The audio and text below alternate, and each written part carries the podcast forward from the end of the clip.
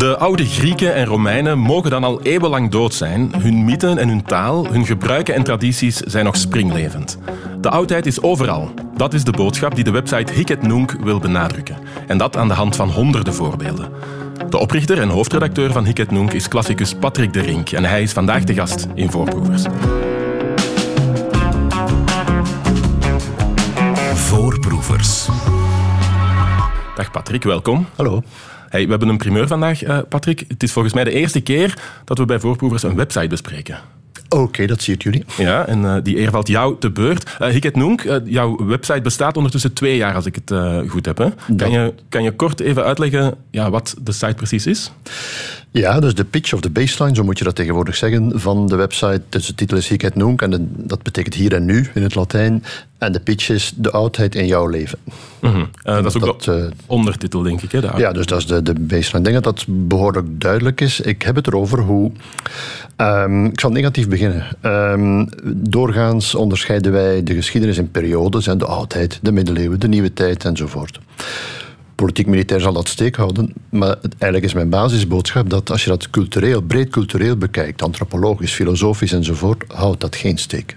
Ik bedoel daarmee, het is niet omdat de oudheid in 476 het West-Romeinse Rijk valt dan op een manier stopt, dat de oudheid stopt.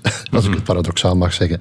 Dus mijn basisstelling is: er zijn zoveel dingen die, die op een manier voortleven. Uh, tot in onze tijd, tot in onze actualiteit, tot in jouw huiskamer, als ik het zo mag zeggen.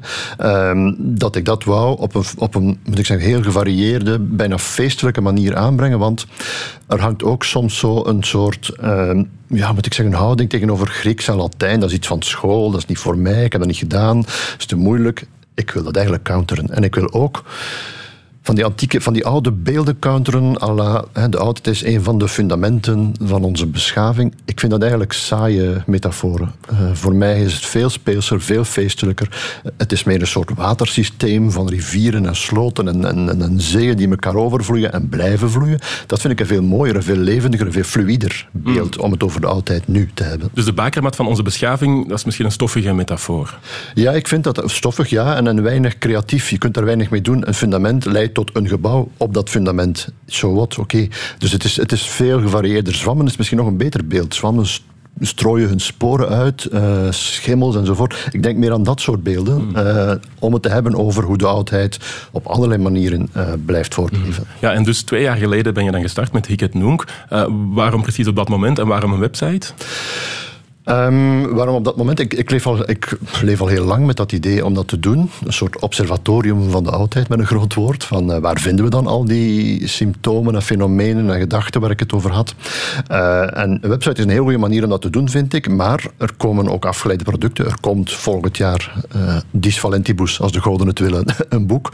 ik geef ook voordrachten, dus het is eigenlijk een ja, een multimediaal product, om het met hedendaagse termen te zeggen. Mm. Um, ja, we zien dat natuurlijk terug in, in um, gebruiken die vandaag nog steeds doorleven, uh, in de verhalen uiteraard, maar ook in de taal. Hè. Uh, als je kijkt naar uh, verschillende woorden, heel veel woorden die wij vandaag nog gebruiken, die hebben wortels in het Latijn of Grieks. bibliotheek, democratie, alles met inter en trans. Um, ja, is dat ook een van de dingen die je op Hiket Nunc wil aankaart? Dat is een van de meer vanzelfsprekende dingen natuurlijk. etymologie en taal inderdaad.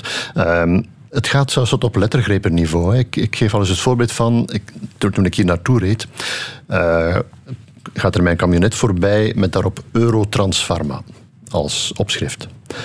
dan denk je, Eurotransfarma, eigenlijk hoef je geen Latijn of Grieks gedaan te hebben op school om meteen te weten, wat, wat doet die firma?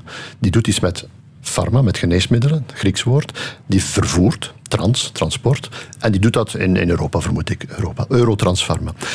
Dat bedoel ik eigenlijk uh, ook met dat doorleven. Het, het gaat dus tot op dat kleine lettergrepenniveau dat je een soort herkenbaarheid krijgt, een soort bedding, om die watermetafoor nog eens te gebruiken, uh, waarbij er meteen herkenbaarheid is. Tenminste, en dan denk ik aan mensen die niet in, in die bedding zijn opgevoed, die opgegroeid, voor wie daarin is groot geworden, om het zo te zeggen. Dus ik besef meteen ook dat dat een kloof kan scheppen met wie daar niet in is uh, opgegroeid, niet in thuis is. Omdat het juist zo alomtegenwoordig is. Die- Ja, dus mensen die niet uit die traditie komen, die hebben misschien ja, meer moeite om te begrijpen wat dan Eurotrans Pharma betekent. Ja, dat kan ik me zeer goed voorstellen. Ja. Dus hoe, hoe raak je daarin? Ik stel me daar ook vragen bij, inderdaad. Ja.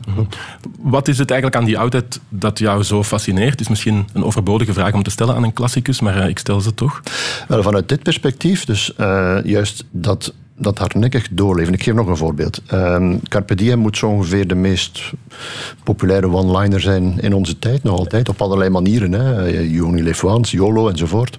Ehm, dus Carpe Diem. Carpe Diem Latijn voor pluk de dag. Dat is ooit een levende metafoor geweest, uitgevonden door een auteur, in dit geval Horatius. Pluk de dag, mooi beeld eigenlijk, je ziet het zo voor jou. Eigenlijk, als je het goed nagaat, zijn we nog niet veel verder gekomen in onze ideeën over het leven. Tenminste, als je gelovige mensen even eh, afzondert, dan je moet ervan genieten, hier en nu, want er komt niks meer hierna. Die boodschap, en dat is een cliché, maar goed, clichés zijn vaak waar natuurlijk. Eh, als ik dan Springsteen op zijn concert tijdens een melancholisch moment, eh, Last Man Standing, waarin hij vaststelt, ik ben nog de enige die overblijft van mijn eerste groepje, hoort besluiten, seize the day. Eigenlijk vertaalt hij dan Horatius, pluk de dag. En, dat bedoel ik met, die, met dat, ja, dat krachtige doorleven eigenlijk. van. En bedoelde Horatius het ook echt op die manier? Dat is een goede vraag. Hoe vul je dat dan in? Hè? Carpe diem, eh, hoort daar dan alcohol en horen daar drugs bij? Eh, ik moet maar iets te zeggen, carpe diem. Of gaat het over in het moment leven, zoals we nu vaak horen, meer, meer eh, meditatieachtig, mindfulnessachtig? Of is het nog iets anders, eh, zonder agenda leven? Er is een heel boek over geschreven, over hoe je carpe diem eigenlijk allemaal kunt invullen. Dus dat is dan de interpretatie van de gebruiker van zo'n carpe diem slogan. Het zou een levensles kunnen zijn, hè, Carpe Diem. Ehm, er zijn nog andere lessen die we eh, kunnen trekken. Is dat ook een doel eh, dat je had en hebt met uh, Hiket Nunc? Dat, is één, dat kan één doel zijn. Bijvoorbeeld ook het stoïcisme is tegenwoordig heel in. Als je stapt een boekhandel binnen en je vindt allerlei zelfhulpboeken die stoïcijns geïnspireerd zijn. Stoïcisme is een antieke filosofische stroming. Uh, met als een van de kerngedachten van maak je niet druk over dingen waarover je niks waarover je geen macht hebt. Mm -hmm. Dat is een basisstelling van het stoïcisme. Oké, okay, dat leeft blijkbaar mm -hmm. ook vandaag de dag. Dus ja, dat zijn dingen op, filosofisch, op een filosofische manier leven die gedachten uiteraard voort en blijven ze geldig, om het zo te zeggen. Dus daar zou je kunnen zeggen, niks nieuws onder de zon. Nihil novi sub sole in, ja. in het Latijn. Tegelijk hou ik daar niet van. Uh, als je dat zegt, niks nieuws onder de zon, dan is er eigenlijk ook geen geschiedenis. Als je nu dat even doortrekt, hè, als je heel kort door de bocht gaat. Niks nieuws onder de zon. Dus dat vind ik ook niet. Het gaat mij ook om het feit dat dingen evolueren. Dat dingen, nog eens wat ik zei, ingezet worden. Gebruikt worden. Ik geef een ander voorbeeld. Uh, bij de bestemming van het kapitool liepen rare mensen rond, zoals we -hmm. intussen allemaal weten. Uh, en liep er onder andere ook iemand rond die een Spartaanse, een antiek Spartaanse, oud-Grieks, dus helm op zijn hoofd had. Mm -hmm. Zou je zeggen, wat, wat doet zo'n figuur daar? Ook daar zit weer iets helemaal, een hele gedachte, ideologie achter zou je kunnen zeggen. Sparta, uh, Oud-Griekenland, uh, militarisme. Uh, voortlevend via de film 300, als je die kent. Ja. Waarin die 300 dappere Spartanen twee, drie dagen volhouden tegen een groot Persisch leger. Het Oosten, Orientalisten. Maar goed, dat is het verhaal daarachter. Dus die man zet die Spartaanse helm op om ja, een soort machisme uit te stralen op dat moment, bij die bestorming van het kapitool, dit dus ook antiek geïnspireerd is. In dit geval door het antieke militaristische Sparta, bijna een soort Noord-Korea, zou je kunnen zeggen. Mm, ja, mythevorming bijna. Ja, noem dat mythevorming, noem dat gebruik, misbruik. Zoals ik zeg, ik ben daar flexibel in. Ik stel dat vast dat het allemaal gebeurt. Uh, en dat is voer voor zo'n website natuurlijk. Mm. Ja, je hebt al uh, het voorbeeld gegeven, je hebt al een paar voorbeelden gegeven, maar een voorbeeldje dat mij uh, bijgebleven is, is dat van het stoïcisme, um, waarbij je dan een link legt op uh, Hiket Nunc met de conservatieve Canadese denker Jordan Peterson. Mm -hmm. Eén voorbeeldje van, um, ja, van, van hoe die oudheid nog verder leeft, dat je aanhaalt. Een ander dat opvallend was, is waarbij je Achilles vergelijkt met uh, Thibaut Courtois. Uh, en dan ja, zijn er nog verschillende mythen die je ook bespreekt. Um, Narcissus bijvoorbeeld, of Echo. Het gaat heel breed hè, um, op Ik het Nunc, maar de insteek is wel altijd de actualiteit. Ja, ja ik vertrek altijd van vandaag, mm -hmm. bij manier van spreken, de actualiteit. Mm -hmm. Dat klopt. De voorbeelden die jij nu geeft zijn niet toevallig filosofisch, stoïcisme, mythologie. Dat klopt. Hè? Dus die figuren uit de mythologie, een aantal toch, uh, gedachten uit de filosofie, zoals ik al zei, leven as such voort. Mm -hmm. Daar zou je wel kunnen zeggen, niks nieuws. Maar worden ook gebruikt, worden ingezet. Bijvoorbeeld uh, Cassandra, ik weet niet of je de naam je iets zegt, een priesteres, die uh, de, de, toekomst kon voorspellen, maar die gestraft werd door de god Apollo omdat ze niet op zijn avances inging. En de straf was dat niemand haar nog geloofde. In september, als ik me niet vergis, is er in de Munt in Brussel een heel festival rond Cassandra. Het heet Cassandra, er wordt een nieuwe opera opgevoerd enzovoort. En dat speelt zich af in een context van de klimaatverandering. Idee erachter, men gelooft ons niet. Mhm. Wij wetenschappers zeggen al heel lang, het gaat de foute kant op. We worden niet geloofd. Mhm. Cassandra. Dus op dat moment wordt die Cassandra-figuur opgevoerd om die gedachte, eigen tijdse gedachte, actuele gedachte, gestalte te geven. Ja, ja, en die oudheid dus naar het nu te halen of te vertalen. te gebruiken, ja, ja, ja. Toch nog even over dat uh, voorbeeldje van, van Thibaut Courtois en Achilles. Ja. Wat is de link uh, daar juist? Want het, de actualiteit uh, toen was um, ja, de falling out die Courtois had met de bondscoach. Hè, het ja. akkefietje dat er was tussen die twee. Het feit dat hij dreigde niet meer te willen meedoen met de nationale ploeg, omdat een bepaald voorrecht, het kapiteinschap, hem werd ontzegd. Mm -hmm. En de link met Achilles? Ja, dat is net wat er ook gebeurt in de Ilias van Homerus, waarin Achilles een van de hoofdfiguren is, die op een moment, uh, hem wordt zijn buit, een slavin in dit geval, we zijn in het oude Griekenland, zijn buit wordt hem afgenomen en als uh, reprimande, als, als uh, reactie wil hij niet meer meevechten met de Grieken. Wat ten koste gaat van veel Griekse mensenlevens. Dus, cadeautje, of ja, ik druk het nu heel lapidair uit, hè, cadeautje wordt afgenomen, ik doe niet meer mee de parallel ligt een beetje voor de hand. Ja, ja, gekrenkte ego's. Gekrenkte ego's, mhm. inderdaad. En, en helden? Misschien ook wel. Van een held, effectief. Die misschien wel iets te veel op een voetstuk wordt gegeven. Maar goed, dat is een andere discussie. Ja, ja. um, laten we het eens hebben hè, over die mythen en, en, verhalen. Want dat konden ze wel, de uh, Romeinen en oude Grieken. Um, waarom spreekt die klassieke mythologie jou zo aan? En misschien ja, ons allemaal nog zo aan? Ja, omdat die mythologie net gaat over het wezen van het leven. Hè. Uh, en op een heel, moet ik zeggen, een heel lapidaire manier, wat bedoel ik daarmee? Uh, het is als het ware alsof die figuren die hevige gevoelens kristalliseren. Ik, ik, geef een voorbeeld om het duidelijk te maken: Medea. We kennen dat fenomeen nog, uh, kindermoord door de moeder. Bijvoorbeeld om wraak te nemen op, op haar man, mhm. die haar verlaten heeft, zoals het geval was bij, bij Medea. Dat is heftig natuurlijk. Als je dat stuk ziet, dat is heel heftig. Dat was ook heftig voor de oude Grieken. Uh, op dat moment is Medea een soort man, een manfiguur, die, die op een mannelijke manier, mannelijk heldhaftige manier, uh, doet wat ze doet. Uh, dus dat zijn ge fenomenen, gevoelens, emoties, instincten soms die nog bestaan. Die, kindermoord bestaat. Mm -hmm.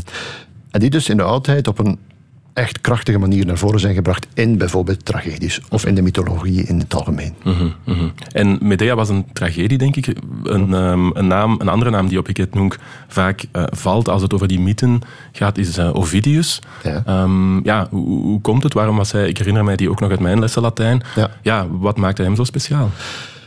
Het is vaak ook een kwestie van bronnen natuurlijk. Hè. Hoe kennen we de oude verhalen, hoe kennen we de oude mythen? Via de Griekse tragedies, maar er zijn er heel veel van verloren gegaan. Uh, en onder andere ook via Ovidius zijn befaamde werk Metamorfose, mm -hmm. waarin hij eigenlijk een 200-tal, of de, de, cijfers lopen uiteen, een 200, 250 zelfs mythen brengt. -hmm. Op zijn manier, want we zijn dan in de Romeinse tijd. En het is eigenlijk literair wat, wat Ovidius doet. Dus is een beetje toeval, enfin, toeval. Dat werk is bewaard. Mm -hmm. En daardoor is Ovidius een heel belangrijke bron geweest, ook in de kunstgeschiedenis. Heel veel schilders hebben hem gebruikt uh, om die antieke verhalen, zijn versie van de antieke verhalen, in beeld te brengen. Want dat waren dus verhalen die wel uh, overgeleverd werden. Het is niet dat hij die verzonnen heeft. Nee, al is het wel zo, en dat is het mooie van mythe, vind ik zelf ook, in tegenstelling tot veel uh, monotheïsmen, waar, uh, ja, mon tekst, hè, de tekst is heilig en je komt er niet aan. Hmm. Bij mythe was dat niet zo. Er werd zelfs verwacht dat je een nieuwe versie verzon, ja, ja. of een een draai gaf aan een bekende mm. mythe. Het is bijvoorbeeld de vraag, ik vertelde net over Medea en haar kindermoord. Dat is een tragedie van Euripides. De mythe bestond al voor Euripides.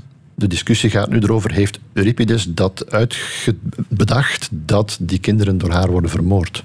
Als een versie van, een nieuwe versie van de mythe. Ja, een beetje. En dat is leuk natuurlijk, hè? want dat is eigenlijk wat tot op vandaag gebeurt. Hè? Als Tom Lanois ooit, twintig jaar geleden denk ik, Mama Medea brengt mm. op scène, is dat eigenlijk een bewerking van de antieke mythe, zoals de antieke auteurs ook deden. Dus mm -hmm. eigenlijk niks anders. Hij gaat aan de haal met die mythe. En dat mag je doen.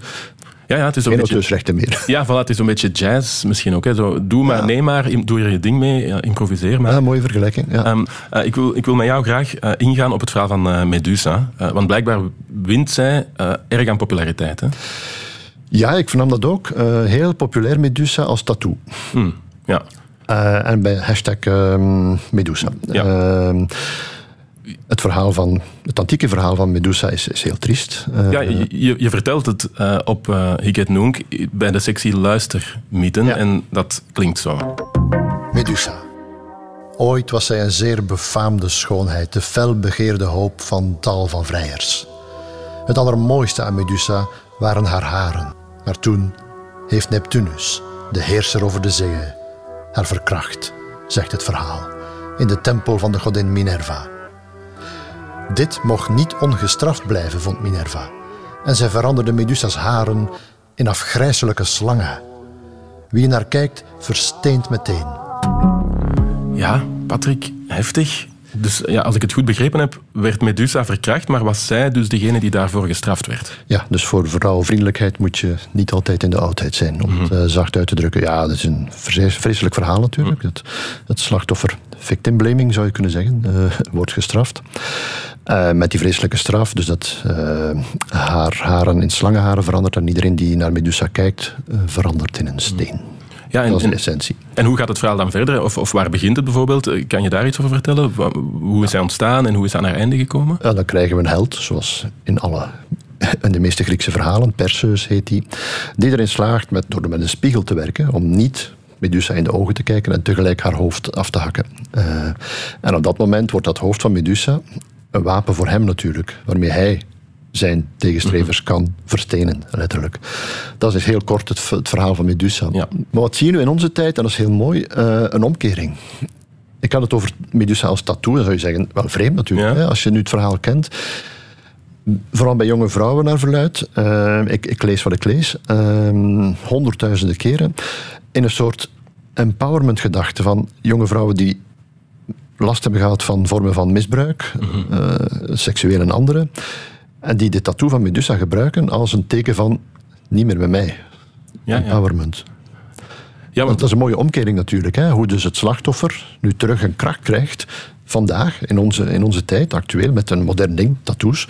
Um, ja, dat, dat vind ik een heel mooi voorbeeld van hoe er met de oudheid kan worden omgegaan op, op allerlei manieren. Ja, want eh, het, het is misschien ook een kwestie van victim blaming uh, ja, even onder de aandacht te brengen. Hè? Want dat is exact wat er gebeurd is met Medusa ook. Als slachtoffer krijg je toch de schuld. Ja, dat klopt. Ja. Um, wat bijvoorbeeld ook dan past, uh, je ziet tegenwoordig ook een bijna een nieuw genre in, in de romansfeer heel veel boeken, romans dus, eh, door vrouwelijke auteurs geschreven, die antieke mythen hervertellen, maar vanuit vrouwelijk perspectief. Mhm. Wat we eigenlijk niet kennen. Alles wat we mhm. kennen is overgeleverd via mannen, door mannen. Ovidius, Homerus, de namen zijn al genoemd.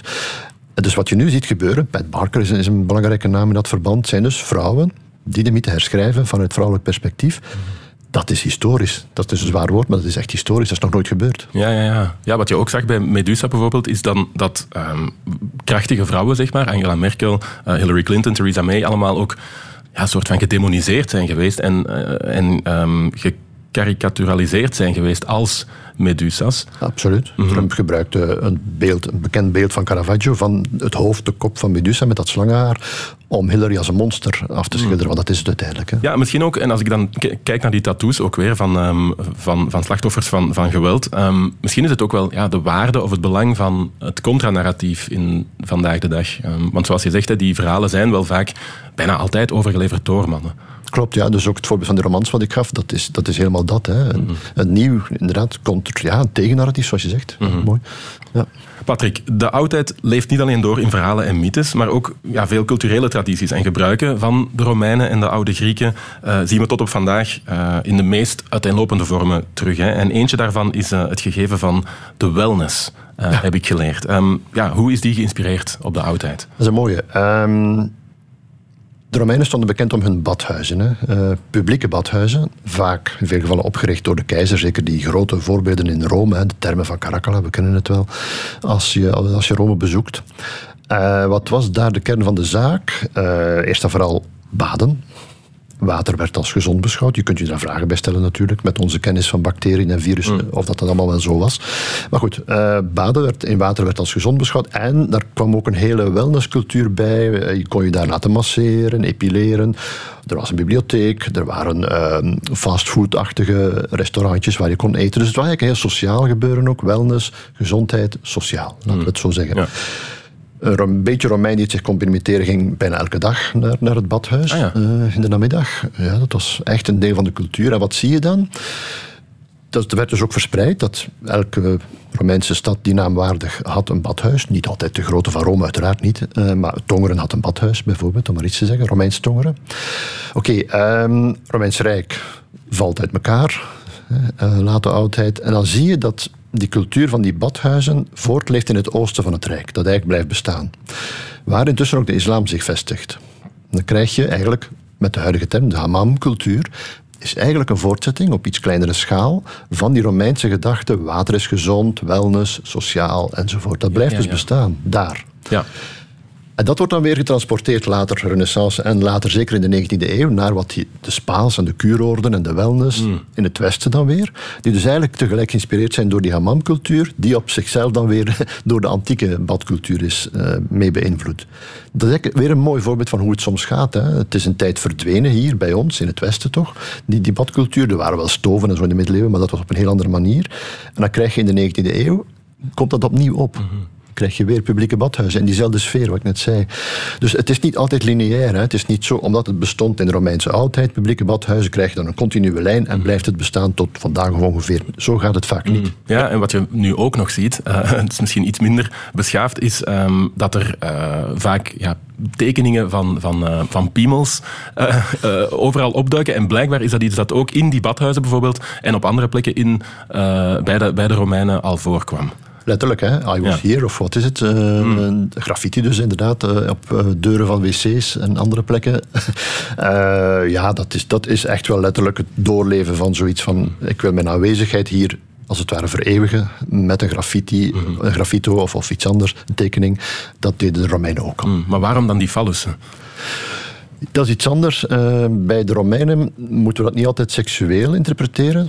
Vaak wel, ja, uiteraard het ding is wat het is. Mm. Maar het was ook een symbool van vruchtbaarheid. Ah, ja. Uh, met dus een minder erotisch seksuele connotatie. Ja, uh, ja. ja, ja oké. Okay. Ja, obsceniteiten waren dus die oude Romeinen ook niet per se uh, vreemd. Want naast die fallus was er nog een ander gebaar dat, ook, dat wij vandaag nog kennen en dat toen ook al blijkbaar gebruikelijk was. En dat was de middelvinger als een ja, uh, teken om te zeggen, uh, ja, fuck you, zeg maar. Ja, ja, inderdaad. Dat is ook weer zo'n voortzetting. Dat is zelfs Grieks. Ik geef een aantal voorbeelden hè, op, op de website die ik het noem, in dat artikel over de, de, de, middenvinger. Dus ik begin altijd bij de actualiteit. Wat was het? Een presidentkandidaat in Frankrijk die zijn middenvinger opstak naar een vrouw. Enfin goed, dat was de aanleiding. En dan ga je zoeken en dan zie je inderdaad dat Aristophanes comedieschrijver, niet toevallig in die sfeer, hè, het gebaar van de middenvinger al gebruikt en noemt. En zo zijn er nog een tiental voorbeelden van de middenvinger als uh, gebaar. Ja. Uh, ja, als een soort opgerichte piemel. Ja, met dan testikels naast. Ja, ja, ja, inderdaad. Had ik ook uh, nog nooit doorgehad. Maar inderdaad, dat stond zo op, uh, op Wiget Noenk. Ja. Um, maar dus dat weten we doordat het overgeleverd is in tekst. Hè. Um, ja, dat klopt. Dat, ja. Uh, ja, ja, ja. En voor andere handgebaren um, ja, geldt dat minder of daar weten we iets minder over. We gaan eens luisteren.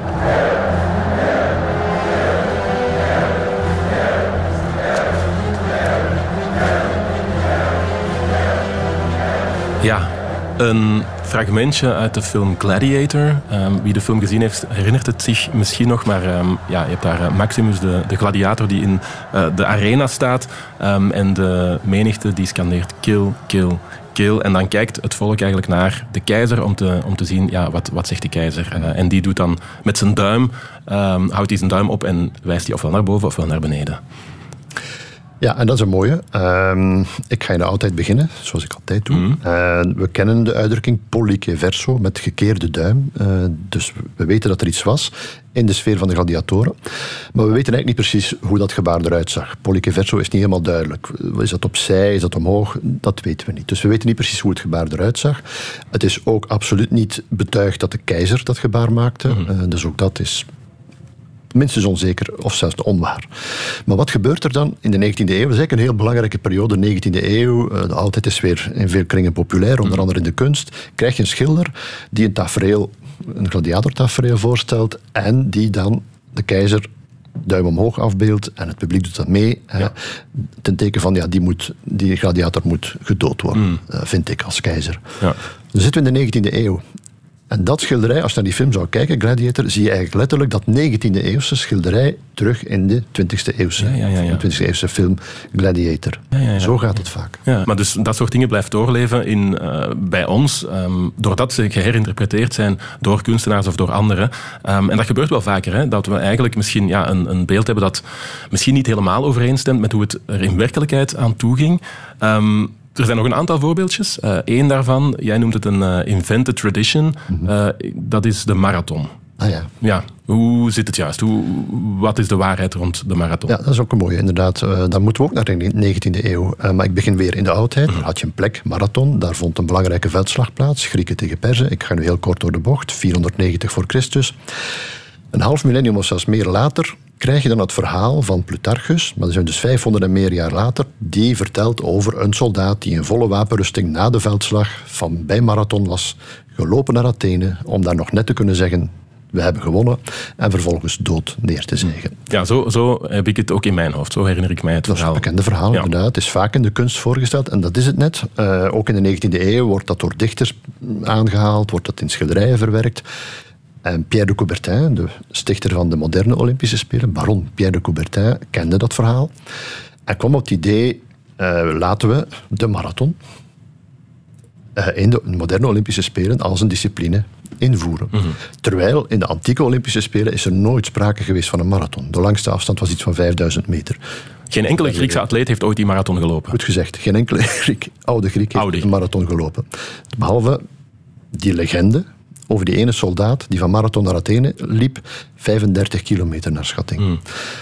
Dus Coubertin kent dat verhaal, voert de marathon in. Uh, als ja, die hele moderne Olympische Spelen, moet je weten, zijn natuurlijk ontstaan in een sfeer van we moeten mannen vooral, uh, mentaal weer opvoeden. Ze moeten veel aankunnen. Het was ook in een militaire sfeer, uh, karakterbuilding en dat soort dingen. En de marathon is natuurlijk een, als ultralopen uitgelezen discipline om dat te doen. Dus 1896, Athene, eerste moderne Olympische Spelen met een marathon, maar nog geen 42 kilometer, 195 meter. We weten zelfs niet precies hoe, lang het toen was. En die afstand is pas bepaald in Londen, toen ze op een moment, ook daar lopen de meningen uiteen, waarschijnlijk via de Royal Box moesten lopen, of een omwegje moesten maken, omdat er veel volk was. Hm. En op dat moment liepen ze 42 kilometer, 195 meter. Dus vanaf 1908 kennen we de marathon, de Olympische Spelen, met de huidige afstand. Ja, ja, ja. Maar die heeft dus eigenlijk niks met het oude Griekenland te maken. Ja, grappig hè.